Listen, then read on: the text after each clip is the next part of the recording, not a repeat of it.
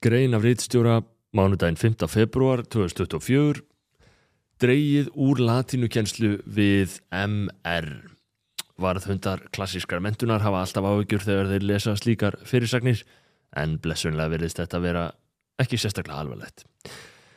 Ég byrja hérna áður við höldum lengra að, að, að geta þessa þessi grein til dæna grein er í bóði húsins en ef þú vilt aðganga stríðum ströymi efnis fyrir áskrifundur rítstjóra komtu þá í áskrift. Um leið stiðurðu frjálsa fjölmjölun í landinu. En hvað um það? Hér byrjum við greina á að sína mynd af læraskólanum við lækjakvötu og uh, skrifum að, að því með ég halda fram að latína hafi verið kendið þennan skóla frá árinu 1056 þótt hann hafi verið staðsettur á ýmsum stöðum, skálhaldi, beststöðum og hólum. Og skrifum svo Svo breyting hefur verið gerð á latinu kjenslu við mentaskólinni Reykjavík að nú er máladeildar nefndum í nýmáladeild aðeins gert að læra latinu á fyrsta námsári sínum en að því loknu ljúka þeir stúdensprófi í fæinu. Latinu skamtur nefnda í fornmáladeild helst óbreytur. Þeir sem trúa á mikilvægi þess að haldið sér út í kjenslu í latinu og forngrísku í latinu skólunum fylgjast auðvitað grænt með öllum smávægilegum breytingum á námsframbúðinu en það er óttin alltaf sá að breytingar, smá breytingar geti bóðað annað meira og verra. Solveig Guðrún Hannesdóttir, rektor, lofar því í samtali við leitstjóran að þær áhyggjur séu ónöðsynlegar í þessu tilviki. Breytingarnar séu ekki þess eðlis. Solveig tók við rektor sem bætti við lærðaskólan haustu 2022. Hún segir í samtali við leitstjóran Ég held að þetta sé ekki eitthvað sem er neikvægt fyrir latínukenslu í skólunum. Latínan helst svo sama í formáladeild. Þar er þungin í latínukenslinni og þar eru sannkallaði topp nefndur í þessu sem hafa mikinn áhuga á forntungumálum. Latínuskamtur nefnda í formáladeild skrifa ég, helst sem sé óbreyttur en nefndur í nýmáladeild missa út eitt ára á latínu og fara í staðin í málvísindi á öðru ári. Og svo er aftur tilvitnun í Solvögu Gurunu Á þessum tveimur árum sem ég hef verið rektor hafa komið fyrirspurnir frá málabröðanemum um ástæður þess að þeir læri ekki málvísiti og af hverju þeir taki tvö ári í latinu þegar áherslan er á nýmálin. Mér hefur fundist þetta spurning sem er erfitt að svara og okkur langaði þess vegna að prófa þetta. Ef okkur finnst því að við þurfum meiri latinu í nýmáladild, til dæmis fyrir betri grunn í rómunskumálunum, þá breyðumst við aftur við því en það er bara munur á milli þessar það er bara munur á milli þessar tveggja delta þetta er bara öðruvísi hópur, hvorki betri en í verri, bara öðruvísi, segir Solveig Guðrún.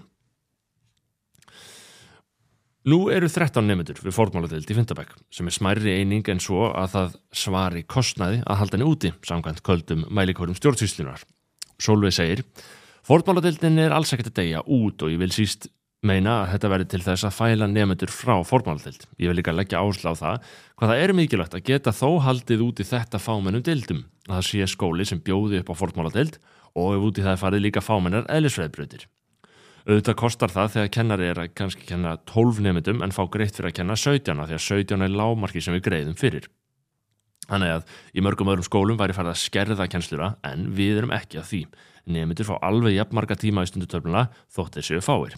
Auðvitað finnst ráðunötinu þetta dýrt hjá okkur en við viljum geta bóðið upp á þetta. Þetta eru fámennabrautir en þar eru mjög mikilvægur, segir Solveig. Og já, samtals eru hérna í fynda á Sjötabæk 22 nefndur í formáldeil núna. Þar af eru nýju í Sjötabæk og þá er þeim kent nýju í einu í latinu. Nú, það er af sem áður var að ungt fólk að mentabraut njóti undirstöðu kjenslu í fornmálum og tungumálum áður lengra er haldið þótt eins og ég skrifa hérna lágum hlífi hulin verndar kraftur þessum 10-20 manna fortmáladelda bekka á hverju ári í MR þá hefur áherslan í aðri mentum færst annað og auðvitað um leið í samfélaginu allir öllu. Því miður, segir Ríðstjórn sem álst upp í þessu kerfi. Þótt byðrar að sé þetta fyrir eldri kynnslóðana sem hefur sannlega hort upp á klassiska mentir eins og það hafa týðkast öldum saman hrinja á sínum líftíma. Einar Már Jónsson, sakfræðingur og bróð Megasar hefur líst þessum áhrifaríkum hætti í bóksinni Brefill Marju frá árinu 2007. Það skrifa reynar Klassísk mentun sem á rætur sínar að reykja allir fornaldar og ríkti óslitið í Evrópu frá miðöldum til okkar daga í háskólum, mentaskólum og jafnvel út fyrir þær stopnarnir byðist frá uppafi á einum förstum grunni, tungumólanámi. Markmiði var ekki að kenna nefndum að panta jógúrt á veitikastæði í einhverju framandi landi eins og eina mínum námsmeðum helt statt og stöðut fram að þetta vera endanlegu tilgangur alls náma álanáms. Á bakvið þessa mentun var fyrst og fremst svo staðrind að hvert tungumál er heimur útaf fyrir sig.